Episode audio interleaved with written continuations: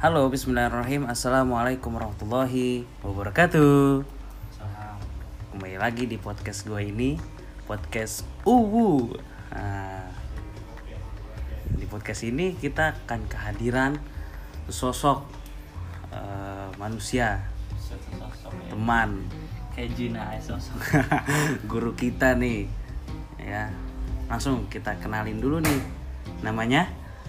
Nama gua sih panggil aja Gonjai. Nama, pan- nama panjangnya ya Gani lah. Oke, kita kembali lagi di podcast di episode pertama kita. Kemarin kan udah episode 0. Nah, sekarang kita di episode pertama kita bersama guru kita, syekh kita, Syekh Trigani Saputra. Eh.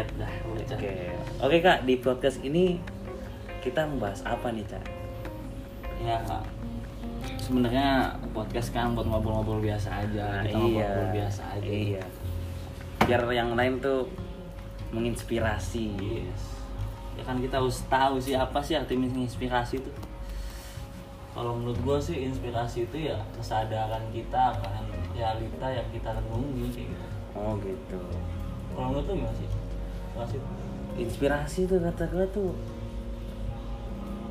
eh yang penting bisa berguna untuk yang lain supaya dia bisa mencari imajinasi yang lebih daripada kita gitu loh. yang penting dia sudah menjiwai gitu. pada intinya mah menjadi orang yang lebih baik lah itu nah khairun nas anfa'um linnas itu kayak episode 2 kayak kemarin tuh. Ya sebenarnya gini ya. Kita lagi lagi puasa kayak gini itu sebenarnya proses untuk kita lebih merenungi kesalahan-kesalahan kita sih. Iya sih. Untuk bagaimana menghormati yang lain menurut gue sih. Soalnya gue agak gundah juga gitu. Ngelihat ada yang nggak puasa ditegur ditegurnya itu ya dengan cara nggak berperi kemanusiaan dipukulin. Tadi gue habis baca ini sih apa? Kayak baca berita gitu ada ada seorang bapak-bapak gitu tukang apa sih tukang beca yang dipukuli ormas ya Nah itu, tapi sih gue sih nggak menyudutkan satu ormas atau gimana lah. Pada intinya itu umat muslim kayak gitu. iya Dia dengan dalih mengingatkan orang yang nggak puasa tapi dipukuli. Si bapak ini nih katanya nih lagi ngerokok kayak gitu di tengah jalan siang-siang. Tapi dipukulin gitu. Tapi menurut gue gini loh, Kang penyakit kita itu penyakit keegoan. Iya. Kurangnya ada perikemanusiaan gitu ya. Iya soalnya timbulnya karena emang keegoan sendiri. Contohnya kayak gini. Sekarang banyak orang Islam menggembok-gembokan suruh tutup warung pas puasa. Menurut gue itu suatu kedangkalan berpikir. Di dalam kehidupan kita juga setiap hari harus pakai domir ya. Iyalah. Harus ya. Itu temen-temen kita bener itu Iya. hari. Jadi kayak gini loh. Masa lagi puasa kayak gini dipaksa orang buat namanya mengikuti apa yang kita yakini kayak gitu loh. Kan emang yang puasa orang Islam kan. Tapi emang apakah orang Kristen itu nggak boleh makan gitu? Menurut gua puasa itu malah untuk menghormati, bukan minta dihormati. Kalau kita minta dihormati malah nggak terhormat dong. Hmm. Sekarang kan banyak yang ngomong ya, Hmm. yang ngomong gimana sih? Hormati orang yang puasa kayak gitu kan. Hmm. Hormati yang menurut gua itu kalau orang minta minta dihormati berarti dia nggak terhormat. Sampai ada banner-bannernya gitu Iya, ya. iya. Hmm. Itu menurut gua nggak usah gitu. kedangkalan banget sih. Soalnya gini ya. Makanya bener lah kata Gus Dur. Kalau apa namanya orang yang paling beriman itu sebenarnya orang yang paling memiliki keyakinan yang kuat itu salah satunya orang Kristen. Hmm. Kenapa orang Kristen? Karena bayangin lima waktu sholat dia mendengarkan azan, tapi keimanannya tidak tergoyahkan dengan mendengarkan azan. Lah kita cuma dengan mengucapkan selamat Natal kok iman kita langsung goyah. Apakah ketika gue mengucapin Natal gue langsung jadi Kristen? Apakah ketika gue masuk gereja gue jadi Kristen? Kan dangkal banget. Kayaknya gitu ya. Ya enggak sih? Kalau menurut lu gimana sih? Apa nih? Puasa itu buat apa sih? Ya kalau puasa kan menurut dari eh, prinsip dari orang kan orang muslim Islam kan itu kan buat nahan diri hawa nafsu dan segala macam itu kan itu tergantung dari pribadi masing-masing kan ya gitu makanya sebenarnya yang terutama itu nahan nafsu sih nahan ego. Menurut gua kayak gitu. Nafsu itu kan udah cabang-cabang kan ya banyak gitu. Hmm. ngomong nahan nafsu nahan nafsu tapi kok nafsu emosinya nggak ditahan? Sama aja bohong mending usah puasa gitu ya. Ya sebenarnya ya kayak gitulah. Perlu ya bisa juga dibilang kayak gitu. Hmm. tapi ya bakal kok dulu bakal kok bakar dulu rakap dulu bang. Bakal, ya. Kita skip bentar nih lagi bakar dulu ya. Bawa santuy aja kita dengerin ya. Santuy aja kan ngobrol biasa. Ya gimana ya? Kalau bahas tentang intinya gini lah. Intinya agama itu sikap sih menurutku sikap akhlak. Puasa itu sekedar latihan-latihan aja sih latihan ritual supaya bisa jadi aktual aktualnya apa?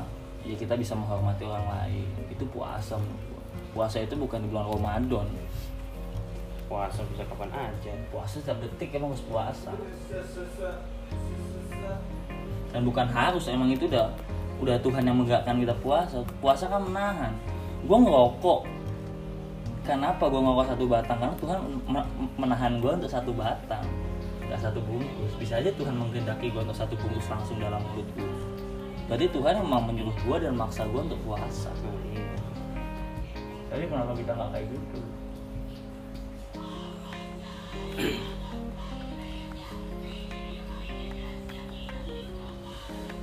Ya yang banyak yang ini sih.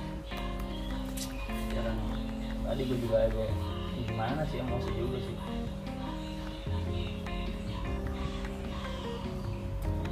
Kan di banyak juga tuh ya di apa di berita-berita sekarang. Jadi gue mau nanya nih sederhana sama lu. Menurut lu gimana? Corona itu sebenarnya ada kaitannya dengan konspirasi dan segala macam itu nggak sih? Kalau misalnya menurut gue sih kalau mau dikait-kaitin semua juga bisa sama teori konspirasi. Konspirasi kan sekedar statement yang timbul atas spekulasi-spekulasi aja. Anggapan-anggapan kan mau disalahin nggak bisa mau dibenerin juga nggak bisa ya pada intinya corona ini untuk pelajaran bagi kita lah. Yang terpenting bukan mencari asal sebab corona yang terpenting itu apa yang kita bisa lakuin dengan adanya corona kayak gini gitu. Seenggaknya kan kita makin terketuk untuk saling berbagi membantu lah teman-teman kita yang di jalan gojek-gojek gitu. Iya, pas banget di waktu gitu tuh pas Ramadan gitu kan ya. Jadi ruang buat kita memberi sodakoh itu buka lebar gitu. iya Tapi banyak juga sih yang bangke-bangke juga. mulung-mulung Hah? Pemulung-mulung nih pas gua lihat di pinggir jalan. Pas kita pinggir di pinggir jalan nih kita lagi pengen kemarin nih gua. Pas mau berangkat ke Den tuh. Gua lagi pakai sarung tangan. Tiba-tiba pemulungnya deketin ke gua gitu. Gua agak risih. Gua pengen ngasih nanti semuanya pada dateng. Iya. Datang kita juga bawanya pas-pasan gitu kan. Seadanya kita gitu. Iya. Itu sih emang oknum-oknum aja ya seenggaknya lah kita bisa di rumah kan kita bisa lebih bersama keluarga kita kumpul-kumpul. Iya. Sekarang banyak yang ributin sebab-sebab corona sih. Menurut gua kayak gitu ah kekosongan yang kosong banget udah nggak ada kerjaan gitu. Kerjaan. Menurut gua udah udah, udah terjadi corona kayak gini apa yang kita lakuin kayak gitu. Ya kan kalau emang itu dianggap konspirasi berarti lu harus membuat masyarakat tuh tenang dengan teori yang lu buat kayak gitu. Kalau emang itu sebagai wabah lu anggap sebagai wabah berarti lu harus bisa membuat rakyat itu harus bisa lebih waspada lebih jaga diri kayak gitu semua bisa aja diartiin sebagai konspirasi? Karena itu teori nggak bisa dibenerin nggak bisa disalahin. Hmm, gitu ya. gue kemarin ya dari kemarin gitu banyak ngobrolin konspirasi konspirasi apa gue awalnya juga sedikit gak ngerti gitu. Gue juga baru dengar konspirasi di apa ya di corona corona ini banyak lah konspirasi apa segala macem gitu iya ya masalah konspirasi kan kayak contoh bumi datar bumi bulat hmm. Nah itu kan nggak bisa benar bisa salah. Udah yang penting lu yakinnya mana. Dengan teori lu lu bisa memberikan kebahagiaan, nggak kebaikan, nggak bagi sekeliling lu kayak gitu. berarti intinya kembali lagi ke, ke keyakinan lo ya Kalau masalah kebenaran, sendiri. kesalahan diletakkan dalam diri. Hmm. Intinya yang dikeluarin itu ya bagaimana kita menyikapinya kayak gitu loh. cara menanggapinya itu Oh, oh. Kalau misalnya gua ngomong corona sebagai konspirasi malah bikin gaduh, mendingan usah nggak gua gak usah bikin teori konspirasi tentang corona kayak gitu kan. Dan diem-diem aja lu di rumah. Tapi ketika lu bikin teori konspirasi bisa menghasilkan malah rakyat makin percaya diri dengan teori lu yang menyatakan bahwa itu hanya sekedar dibuat-buat permainan media kayak gitu kan. Hmm. Ya udah. Berarti kan lu kan ada kebaikan di situ. Intinya setiap kebenaran yang kita yakini menjadi output sebagai kebaikan bagi kita bagi kita semua Iya. Terus juga pas kita lihat di apa ya masa-masa pandemi gini lockdown segala macem psbb segala macem itu banyak banget emang kejadian-kejadian yang kita anggap tuh eh, nggak nggak etis dilihatnya gitu. Ada aja. Kayak ulama lah ditangkap segala macem terus eh, masalah di DPR MPR apa tuh omnibus law segala macam itu nah, itu makin banyak merebak-rebak. Ada aja masalah di maksudnya itu ada ada keselip-selip pembahasan yang buat kita tuh nggak tahu gitu itu yang gue bingung. Ya kita makan golongan bawah.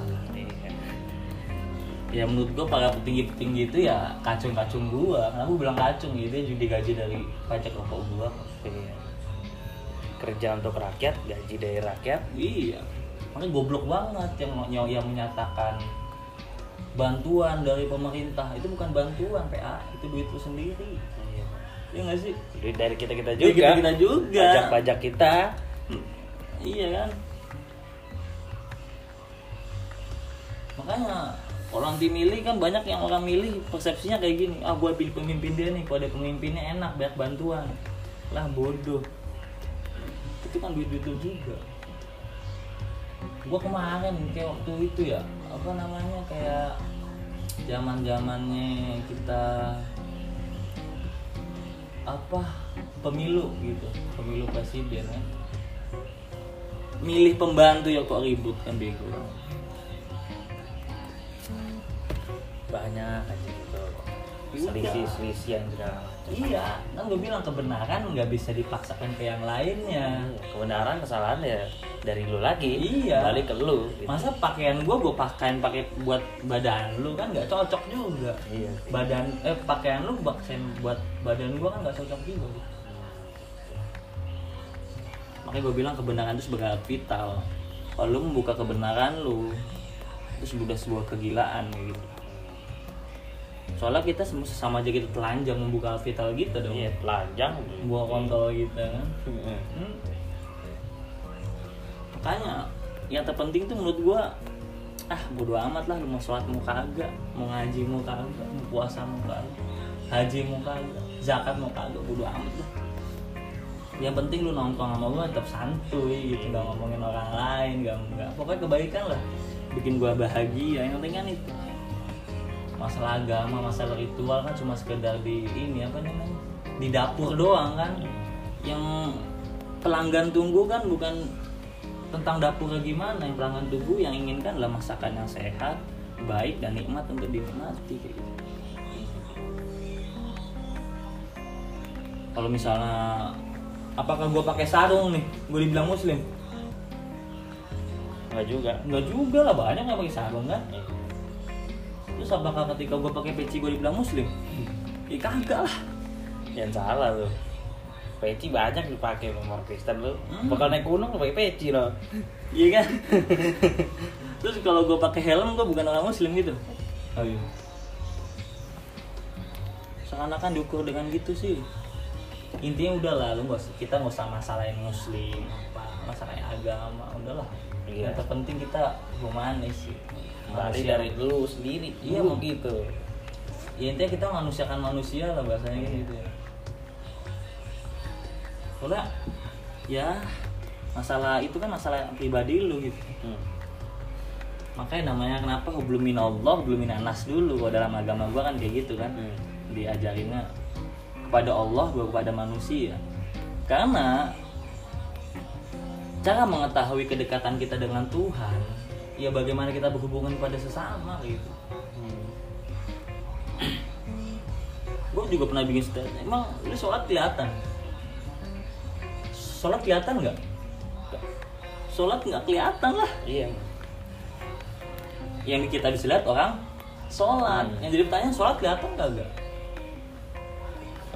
Secara langsung lu lagi apa berbincang orang Tuhan. Yang gua bisa lihat itu orang sholat. Iya. sholat kelihatan nggak? Kan enggak Enggak. sholat itu berarti apa? Konsep. Konsep apa? Konsep sosial. Ya kan? Konsep sosial loh kok. Diribut Ya, bagaimana? Semuanya lah. Khusyuk kelihatan nggak? Kagak kalau pelan sholat lu tenang itu bukan khusyuk namanya itu makninah. Khusyuk di mana? Khusyuk itu ketika sholat kita terletak dalam implementasi keseharian kita gitu setelah kita sholat kita bisa senyum kepada orang lain. Itu khusyuk namanya. Kita lihat pengemis kita nggak baca ini dari kebiasaan kita kan itu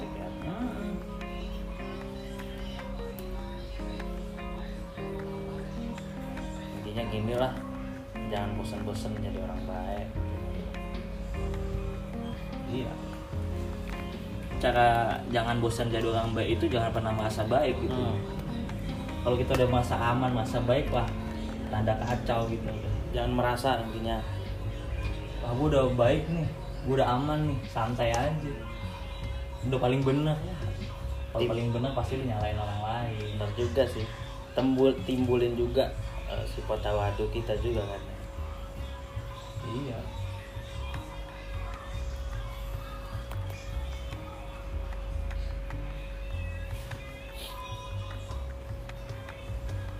Setting rokok cepet amat habis makanya ya. Tanda-tanda ini mah ya ya iya. Sebenarnya rokok nikmat itu menurut gua sih karena kita obrolan kita nggak menyangkut tentang orang lain ngomongin orang lain panas-panas. Sebenarnya rokok kopi itu udah satu konsep lah. Ya iya. Kopi itu hitam. Tapi hitam juga bukan berarti kotor. Membersihkan akal ada gue mah. mencari inspirasi sama temen ya rokok rokok sama kopi gue. nah, itu ya kalau sendiri ya temen ya kopi sama rokok Nah. gitu kopi itu tuh penyatuan antara manis dan pahit. Hmm. itu yang kita sebut paradoks oh iya gue mau nanya. Dari kemarin-kemarin tuh gue masih kayak paradok tuh apa sih? Paradok tuh gini. Apa namanya paradok tuh? Kita sayang sering, sering, sering debat dulu ya. Iya. Apa itu duluan telur apa ayam? Nah itu. Coba lu jawab. Kalau jawab telur terus yang ngeluarin telur siapa? Ayam kalau jawab ayam ayam dari mana? Dia telur. Siapa dulu? Nggak ketemu jawabannya. Iya. Iya nggak? Contoh lagi. Orang ngomong cinta menghidupkan. Hmm. tapi juga cinta mematikan. Mana yang paling benar? Nggak ada paradoks ada dua nih. Ini pak ini paradoks paling rame nih. Ada satu tameng terkuat. Ya kan? Iya. yang satu lagi pedang terkuat tameng terkuat ini nih nggak bisa ditembus oleh apa pun nggak bisa dipatahkan nggak bisa dipecahkan oleh apa pun. Dan pedang terkuat bisa memecahkan apa pun. Yang jadi pertanyaan siapa yang paling kuat? Gak ada. Oh lu jawab tameng. Katanya tameng kuat nggak bisa tembus sama apa pun. Hmm. ya kan? Hmm. kalau misal lu jawab tameng sebagai yang apa? Kalau jawab tameng Sebagai yang sebagai yang eh kalau lu bahas tameng anjing kalau bahas tameng sebagai yang kuat berarti si pedang nggak kuat dong. Katanya bisa menembus apa pun. Ya kan? Iya iya. terus kalau kalau misalnya lu jawab pedang yang terkuat gitu kan? Apa namanya? Gimana sih tadi? Berarti tameng itu nggak kuat dong. Iya. bisa ditembus. Oh. kayak gitu kan? Paradoks tuh kayak gitu. Semua lingkaran paradoks. Lu bilang bilang apa nyamuk bala nyamuk bala gitu kan tapi kalau nggak ada nyamuk siapa yang eh, nggak ada pabrik baygon. Iya. Kagak ada ini. Iya. iya kan ah pokoknya intinya sih kita jangan merasa paling-paling lah biasa-biasa aja udah biasa-biasa itu gimana dosis dosis itu tuh keseimbangan. Sih? Harus sama rata Sama. gitu ya. dan sama itu ya tergantung keadaan masing-masing. Nggak bisa disamakan antara masa gue punya anak umur 2 tahun gue juga punya anak umur lima tahun. Masa gue samain? Umur 2 tahun gue kasih sepiring nasi. Kan kagak gue kasih susu. Kan beda. Ya harus seimbang lah intinya. seimbang sesuai keadaan. Iya. dosis. Kalau misalnya gue sakit gue cukupnya obat dua ngapain gue makan obat 10 mati iya kan Mm-mm. jadi nggak seimbang bakal memburukan mati ya kan set ini kita nongkrong 21 menitan Oh, Iya. Jadi tanda-tanda nih. Rokok Iya. habis. Kopi habis. Ya, berarti kita akhirin Ya. dulu nih. Ya. ini sih bukan apa ya bukan sebagai ilmu sih Sebagai gua, iya ilmu tuh gini kalau kata Nietzsche. Nietzsche tuh filosof barat. Beliau ngomong ilmu itu tuh pengetahuan itu tuh dari realita yang kita lihat tafsiran dari realita. Lu lu ngedengerin realita gua ngomong nih tergantung lu nafsirinnya gimana.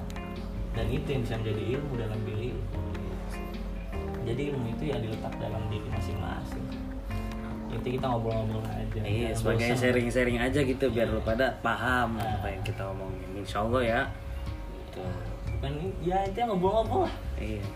pokoknya, lu jangan lupa jangan bosen-bosen buat ngobrol sama sekeliling bukan hanya sama HP doang lupa kalau ada apa-apa ya ngobrol gitu, Ngobrol. kasih tahu yang gitu. terpenting kan komunikasi ya sih Heeh. wah kalau komunikasi suami bini jadi ikutan Oke, di podcast kita ini di episode pertama ini kita sudahi dulu ya. Oke. Sampai ketemu di episode selanjutnya. Ya, jadi kalau ada pertanyaan di podcast ini silakan WA WA gitu. WA boleh nih, catat nomornya 08121927344. Boleh DM juga nih. Nama gua ada. Cari aja di IG ya. Atau enggak cari aja di IG-nya Ustadz kita nih, Syekh kita Ustaz nih. tai lah. Ustaz tai. bau banget itu omongan tuh Oke. Trigani es Ya Triganis, Triganis ya. Oke, kita sudahi dulu, kita cukupin dulu. Semoga bermanfaat untuk podcast ini dan untuk kalian semua. Jazakallah. Assalamualaikum warahmatullahi wabarakatuh.